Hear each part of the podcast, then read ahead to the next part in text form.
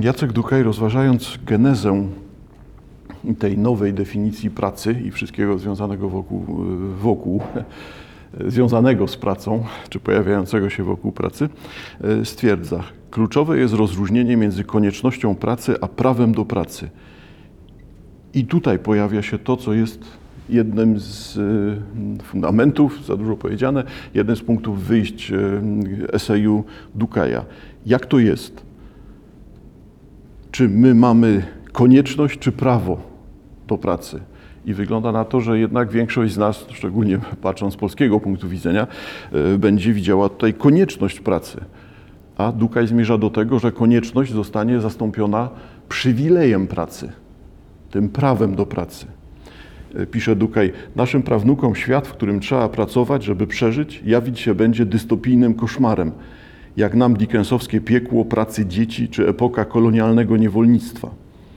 Czyli ta potrzeba pracy, konieczność pracy, aby przetrwać, którą dzisiaj jeszcze widzimy, zdaniem Dukaja ma być zastąpiona przywilejem pracy. Jeżeli chcesz, jeżeli się w tym spełniasz, jeżeli chcesz aby częścią Twojego życia była praca, to będziesz ją podejmował, ale nie ma w tym momencie konieczności pracy. Najmocniej to stanowisko, czyli ta opozycja, ta dynamika widoczna pomiędzy koniecznością a prawem, czy też przywilejem pracy, zdaniem Dukaja pojawia się w naszej teraźniejszości w Japonii. Zaskoczenia tutaj nie ma. Japonia jednak będzie tutaj dość powszechną genezą. To wszystko, co dzieje się w Japonii w ciągu ostatnich kilkudziesięciu lat, y, jest czymś, co rozprzestrzenia się na cały świat. Jak już wiemy, wspominałem o tym wcześniej. Dukaj stwierdza, Japonia stanowi poligon cywilizacyjny dla wielu utopii i koszmarów, które reszcie świata dopiero śnią się mgliście. Społeczeństwo Japonii już ma strukturę przyszłej twierdzy Europa. Długowieczni, małodzietni, bez dopływu imigrantów, przygnieceni złotym balastem kultury i tradycji. Zauważcie Państwo tutaj to założenie, tak? Czyli mamy Japonię dzisiaj, ale Japonia dzisiaj staje się punktem wyjścia, wzorcem, modelem, czymś, co będzie zdaniem Dukaja, ale nie tylko Dukaja, funkcjonowało globalnie w najbliższych hmm, dziesięcioleciach. Dalej Dukaj. Japonia przeciera wyboiste szlaki długowieczności zastępami żwawych stulatków. Ich liczba przekroczyła tam 70 tysięcy, przy czym prawie 90% z nich to kobiety. Już w 2012 roku Japonia była krajem o najwyższej spodziewanej średniej długości życia na świecie 80 lat dla mężczyzn, 87 dla kobiet. Dzietność wszędzie spada nieubłagalnie wraz ze wzrostem stopy życiowej i wykształcenia kobiet. Japonia przybiła do tego brzegu pierwsza. Do 2065 roku jej populacja ma się skurczyć do 88 milionów, czyli o prawie 40 milionów. Nie da się bez końca polegać na młodych i płodnych imigrantach, skoro mamy na Ziemi skończoną liczbę krajów i skończoną populację. A Japonia nigdy się nie otworzyła na obcych, kulturowo zatrzaśnięta w swojej przeszłości. To nie jest do końca specyfika Europy, bo jednak widać, że Europa stara się otwierać na obcych. Tutaj lekki znak zapytania. Na pewno jest to prostsze w Europie niż w Japonii ze względu na barierę kultury, tradycji, historii czy systemu wierzeń. Tutaj znowu z największym znakiem zapytania. Jednak widać, że to nie jest ratunek. Nie da się bez końca polegać na młodych i płodnych imigrantach. Nie można przyszłości Europy budować wierząc w to, że starych Europejczyków zastąpią nowi Europejczycy, myślnik, imigranci. Wracamy do Japonii. Pisze Dukaj. Oto dwie japońskie śmierci, śmierć z lewego i prawego brzegu Rubikonu bezpracowości.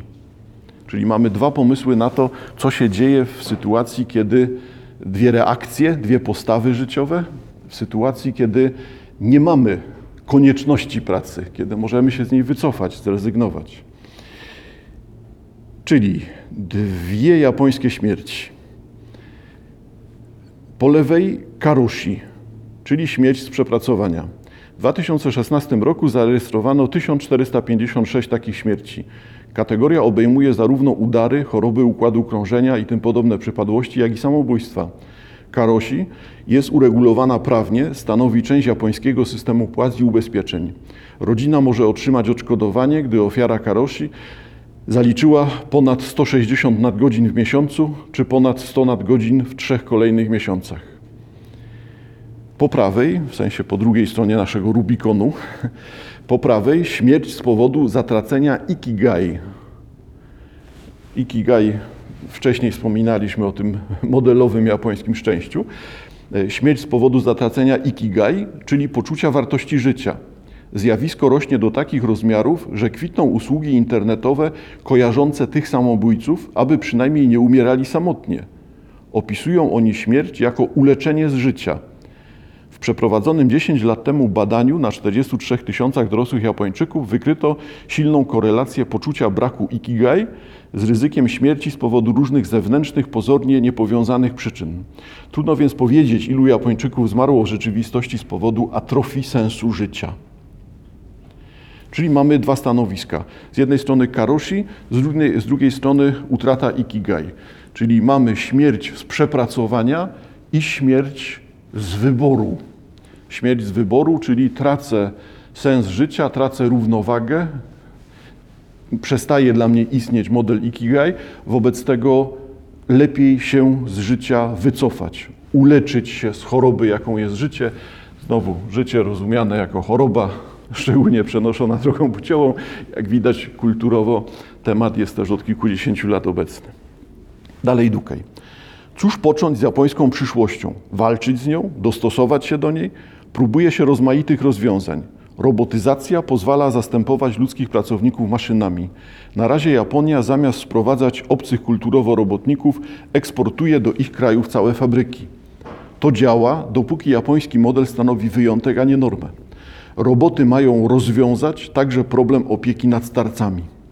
I rzeczywiście to jest to, co funkcjonuje już od kilku, waham się czy kilkunastu, no raczej myślałbym, że poniżej 10 lat, czyli robotyzacja posunięta do tego miejsca, że są na rynku osiągalne dla wszystkich zainteresowanych, e, zawiadame w przypadkach skrajnych e, służby typu pogotowie, że trzeba udzielić pomocy. Czyli jak widać trwa ta, ta przyszłość. Przyszłość japońska dzieje się teraz, ale ta przyszłość japońska ma być przyszłością globalną. Dalej Dukaj. Japończycy jako pierwsi budują społeczeństwo i gospodarkę na normalizacji dyskomfortu kontaktu człowieka z człowiekiem. I to jest ten znowu jeden z kluczowych momentów. Czyli co jest przyszłością? Przepaść pomiędzy ludźmi, utrata kontaktów międzyludzkich, czy raczej izolacja poszczególnych jednostek, życie bez związku z otoczeniem, bez kontaktu z innym człowiekiem, staje się nie wyjątkiem i czymś, czemu trzeba zapobiegać, tylko staje się normą, którą trzeba zaakceptować. Czyli normalizacja dyskomfortu kontaktu człowieka z człowiekiem trzeba przyjąć, że ta utrata kontaktu człowieka z człowiekiem nastąpiła i trzeba w tej sytuacji się znaleźć. Jakby tutaj nie da się walczyć z dynamicznym zjawiskiem, albo w efekcie nie da się walczyć z tak powszechnym zjawiskiem, że musimy je przyjąć jako normę. Dalej Dukaj. E, ojczyzna hikikomori, pokoleń nieopuszczających pokoju i całe życie przez, e, prowadzących przez sieć, zna subtelności egzystencjalnych pułapek technologii, które my dopiero na zimno rachujemy. Blisko połowa trzydziestolatków oraz młodych Japończyków i Japonek nie uprawia, nigdy nie uprawiała seksu z drugim człowiekiem w kontakcie fizycznym. Od dekad panująca w kraju kwitnącej wiśni gospodarcza stagnacja wydaje się jedynie odbiciem stagnacji znacznie głębszej. A problem setek tysięcy stulatków, których ktoś przecież musi utrzymywać, demograficzną metaforą długu duchowego. Wszyscy będziemy stuletnimi Japończykami, ledwo przekroczywszy próg przedszkola. I wracamy do tego, o czym pisze tutaj Dukaj. Japonia jest przykładem. Przykładem tego, co ma się zadziać w sytuacji, kiedy życie nie będzie wypełnione pracą. Gdy praca stanie się tylko przywilejem, a nie koniecznością, wobec tego, co zrobić z życiem, w którym nikt nas do niczego nie zmusza i które nie jest wypełnione kieratem, w którym w XXI wieku jesteśmy, jako zaszłość tej sytuacji XIX-wiecznej, czyli powstania takiego właśnie modelu industrializacji, którego jesteśmy wnukami czy też prawnukami. Co wobec tego? No pozostaje właśnie koncepcja. Skoro będziemy wolni od pracy, to trzeba czymś życie wypełnić. Trzeba jakoś zareagować.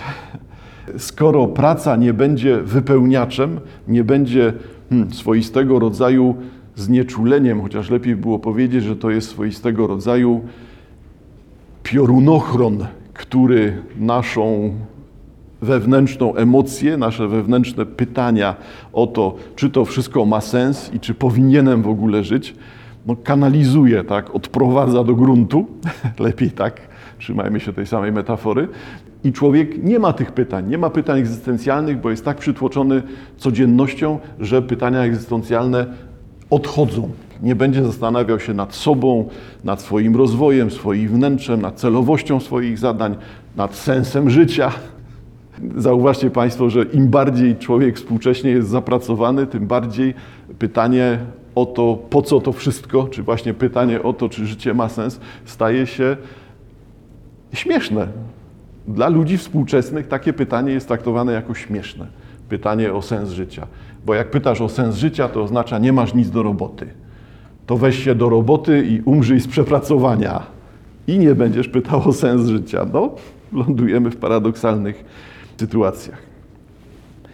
To lustro Japonii, bo takie, takiego określenia będzie używał też Dukaj w następnych akapitach swojego eseju, będzie to wszystko rozgrywało się na zasadzie analizy, jaka praca jest, jaka, jak człowiek wypełnia życie pracą skierowaną na zewnątrz bądź skierowaną do wewnątrz. Zostawiamy te rozróżnienia ale przejdźmy do tego, co jest swoistego rodzaju kwintesencją jego wypowiedzi.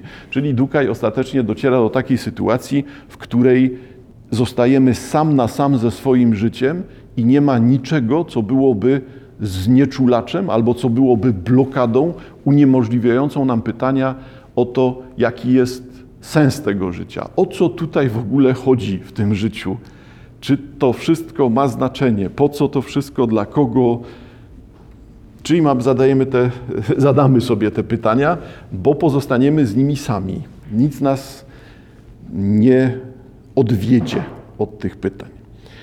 Wobec tego, co z tym zrobić, jeżeli zostaniemy z życiem, którego kształt, którego materia, którego składniki będą zależały od nas samych? I jesteśmy w tym momencie wolni od pracy. Nic nas do niej nie zobowiązuje. Po prostu musimy sobie radzić z życiem. Co na to Dukaj? To w owym najradykalniejszym stanie bezrobotności krystalizuje się nowy standard naszej egzystencji. Co robić, jeżeli nic nie muszę, jeżeli wszystko mam tylko chcieć? Jeżeli muszę sam zderzyć się z tym życiem i nikt go za mnie nie wypełni, albo nie da mi złudzenia tego, że to życie jest wypełnione. Dalej Dukaj. Filozofowie poświęcili mu niemało uwagi. Wiele pracy poszło w analizę i opis nudy. Trudno się nudzić, myśląc o nudzie. Pierwszy tak wypunktował ją Pascal. Nie ma dla człowieka nic równie nieznośnego, jak zażywać pełnego spoczynku, bez namiętności, bez spraw, rozrywek, zatrudnienia. Czuje wówczas swoją nicość, opuszczenie, niewystarczalność, zależność, niemoc, próżnię. I to jest ten pierwszy paskalowski sygnał, znaczy zdaniem Dukaja pierwszy, nie jestem w stanie tego zweryfikować, i nie kojarzę też, gdzie przed Paskalem pojawiała się nuda w wypowiedziach filozofów. Zaufam Dukajowi. Wobec tego Pascal jako pierwszy wskazuje na to, że stan bezrobotności dla człowieka jest stanem przerażającym, bo zderza się z czystą egzystencją i okazuje się, że, że to jest dla niego nic. Czuje wówczas swą nicość, opuszczenie, niewystarczalność, zależność, niemoc, próżnię. No to jest ta przerażająca sytuacja. No to w takim razie co dalej? Dukaj. Nie bez przyczyny tego typu refleksje uchodziły przez wieki za wydumane problemy panów utracjuszy. Lud widział w nich co najmniej dziwactwo. Jako, że lud nie doświadczał owych stanów, nie mógł ich doświadczać zajęty od świtu do nocy i to pod najcięższym przymusem pracy, kto nie pracował, ten głodował, umierał. To arystokracja wystawia nam więc pierwszą z form człowieczeństwa nastrojonego mądrością pokoleń do zdrowego uprawiania nudy. I to jest ten tytuł części esejów Dukaja w tej książce, tego właśnie zbioru esejów, e, poświęconych zdrowemu uprawianiu nudy. Jak poradzić sobie z tym, że trzeba sprostać wypełnieniu, sensownemu wypełnieniu swojego życia. Jak poradzić sobie z sobą, światem, innymi ludźmi, w jaki sposób radzić sobie z czasem. Sięgamy do Dukaja. Czym zajmują się ci, którzy pracować nie muszą, ba pracować nie mogą? Ci, co urodzili się do życia bez pracy i rodzą dzieci ku jeszcze większej nudzie. Dekadencja stanowi naturalną konsekwencję nudy uprawianej nieumiejętnie. Czyli już widać zagrożenie. Nuda nie jest stanem szczęścia, wreszcie będę mógł robić co chcę, bo jak już zrobię co chcę, no to zderzam się z resztą swojego życia i mogę nie mieć żadnego na to życie pomysłu. Wobec tego zagrożeniem jest stan dekadencji, popadnięcia w melancholię, depresję, pogłębiającą się depresję prowadzącą do całkowitej bierności, wyłączenia się z życia, utraty wiary w, sensu, w sens życia czy jakiejkolwiek działalności i śmierć w wyniku takiego stanu psychicznego. Dalej Dukaj. Zewnętrzny przymus zajętości, dając ci pracę, daje ci cel, a zatem system wartości. I to jest to, w czym jesteśmy jeszcze teraz, przed tą przed tym uwolnieniem się od konieczności pracy. Pojawia się zewnętrzny przymus zajętości, który nas zwalnia z obowiązku myślenia o sobie, albo który nam to blokuje, odprowadza, jest właśnie tym piorunochronem, bocznikiem, kanalizacją, jak chcemy. Bo ten przymus zajętości, ten obowiązek pracy wprowadza cel, narzuca system wartości, i musimy być temu posłuszni w tym systemie aktualnym.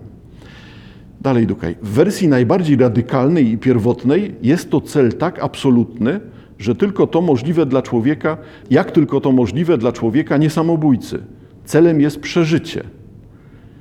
Pracujesz, zdobywasz środki na życie, żyjesz, wygrałeś.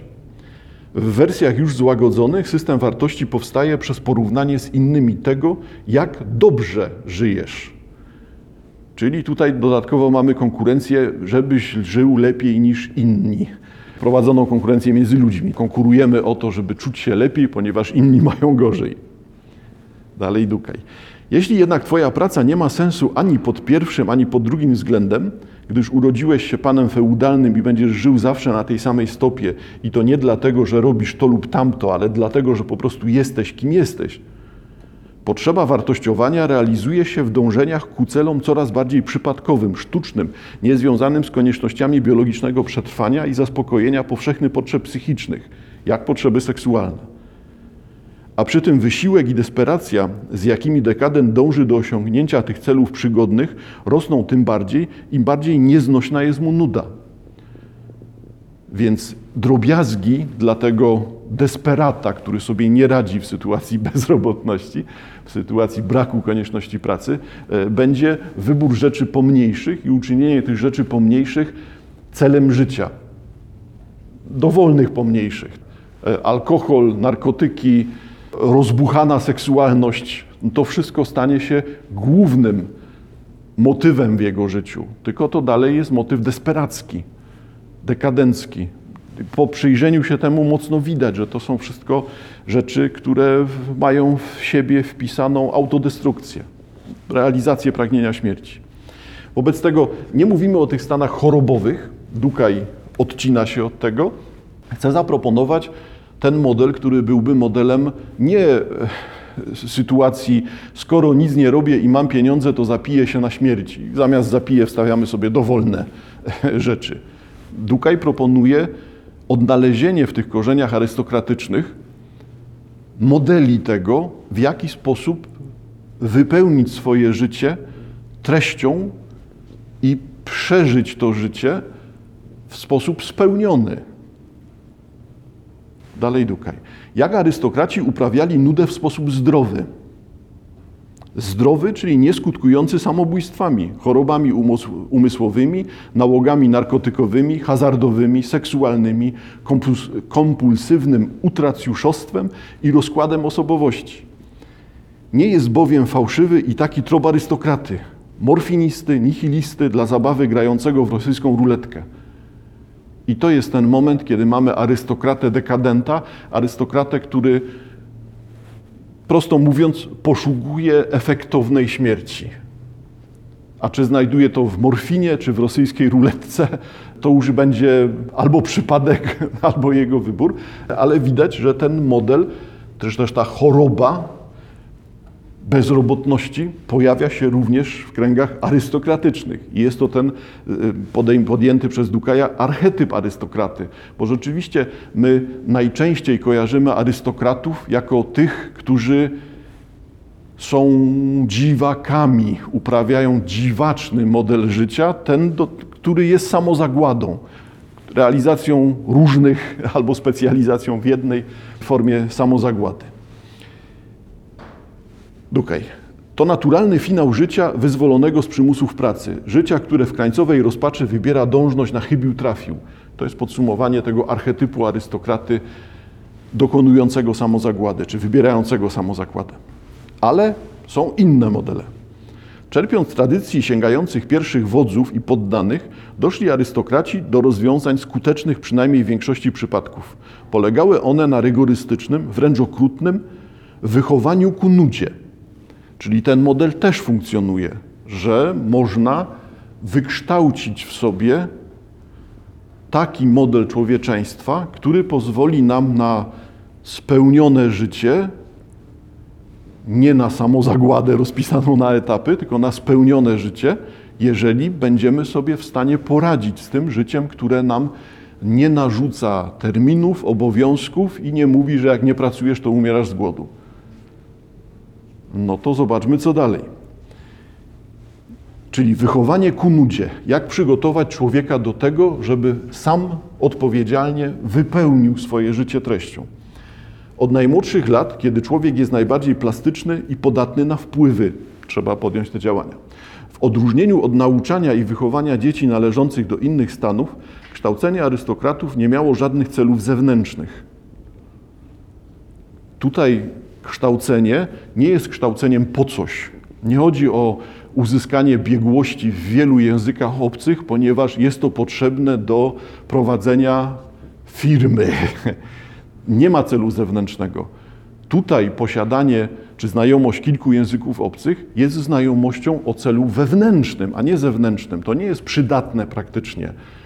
Arystokrata wychowujący swoje dzieci i na przykład uczący je kilku języków obcych daje temu dziecku bogatszą, wewnętrzną, jak chcemy, strukturę, siatkę, daje mu system odniesień, daje mu zwielokrotnia normy kulturowe wewnątrz tego dziecka, czy tradycje kulturowe zamiast normy. I w ten sposób ten człowiek ma, ten młody człowiek zdobywa w sobie konstrukcję, którą jest w stanie potem w bogaty sposób wykorzystywać. Nie dlatego, że musi prowadzić firmę, zarabiać, bo umrze z głodu, tylko dlatego, że to buduje jego osobę.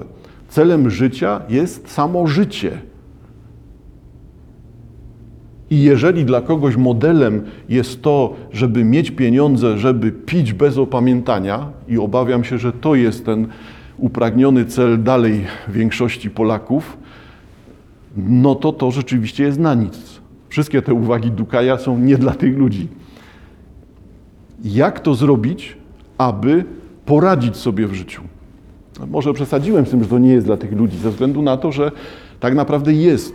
Gdyby doprowadzić do tego, że młodzi ludzie w Polsce jednak staną się wewnętrznie skomplikowani, wyposażymy ich w taką sieć czy taki system odniesień, taką, taki fundament, taką podstawową konstrukcję, którą będą w stanie potem poszerzać, wypełniać, realizować albo będą chcieli ją wypełniać, no to w tym momencie nie zderzymy się z tym, że jedynym celem zarabiania jest posiadanie pieniędzy na alkohol i chodzi o to, żeby zapić się jak najszybciej.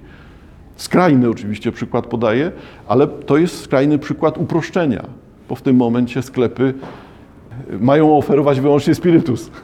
Tak, nic więcej. Od najmłodszych lat, kiedy człowiek jest najbardziej plastyczny i podatny na wpływy, w tym momencie powinno się to działanie pojawiać. Nie ma celów zewnętrznych tego kształcenia. I dalej dukaj. Kształcili się oni, żeby być takimi oto ludźmi, a nie żeby robić to lub tamto. Czyli kształcili się w byciu. Przygotowanie do życia, do życia rozumianego jako samo bycie, co czyste istnienie. Owszem, zyskiwali rozliczne kompetencje, lecz przy okazji, mimowolnie, jakby niechcący. Takie kształcenie polegało przede wszystkim na rzeźbieniu charakteru, na zaszczepieniu form i wartości, które, gdy zaszczepione skutecznie, utrzymają się aż do śmierci, pomimo rozumowego rozpoznania ich jako właśnie sztuczne, wtrenowane. Jedną z tych form był honor, inną etykieta, inną wojna, inną sztuka, estetyka.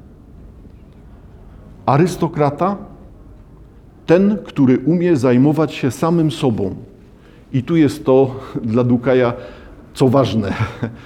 W modelu stuleci, w modelu znajdowanym w stuleciach wcześniej, widzi grupę społeczną, która już przećwiczyła to zagadnienie, czyli radzenie sobie z całkowitą odpowiedzialnością za swoje życie. Arystokrata ten, który umie zajmować się samym sobą. I to byłby cel edukacji i cel tego, co ma następować w dziesięcioleciach czy stuleciach najbliższych, zdaniem Dukaja.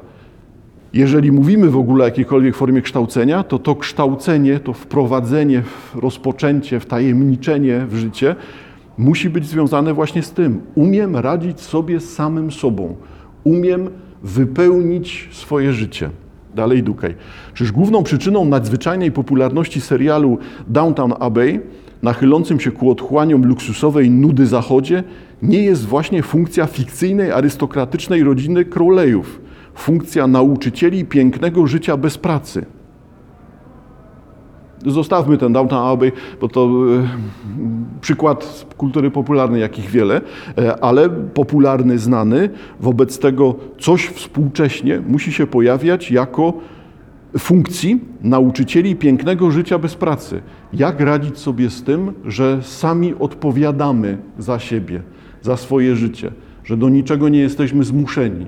Mamy pełny wybór, a od nas zależy, co wybieramy. Czy wybieramy to, co jest szarością, przeciętnością i tak naprawdę samozagładą, czy wybieramy coś, co pozwala nam szczęśliwie poradzić sobie z życiem, z życiem rozumianym jako nuda.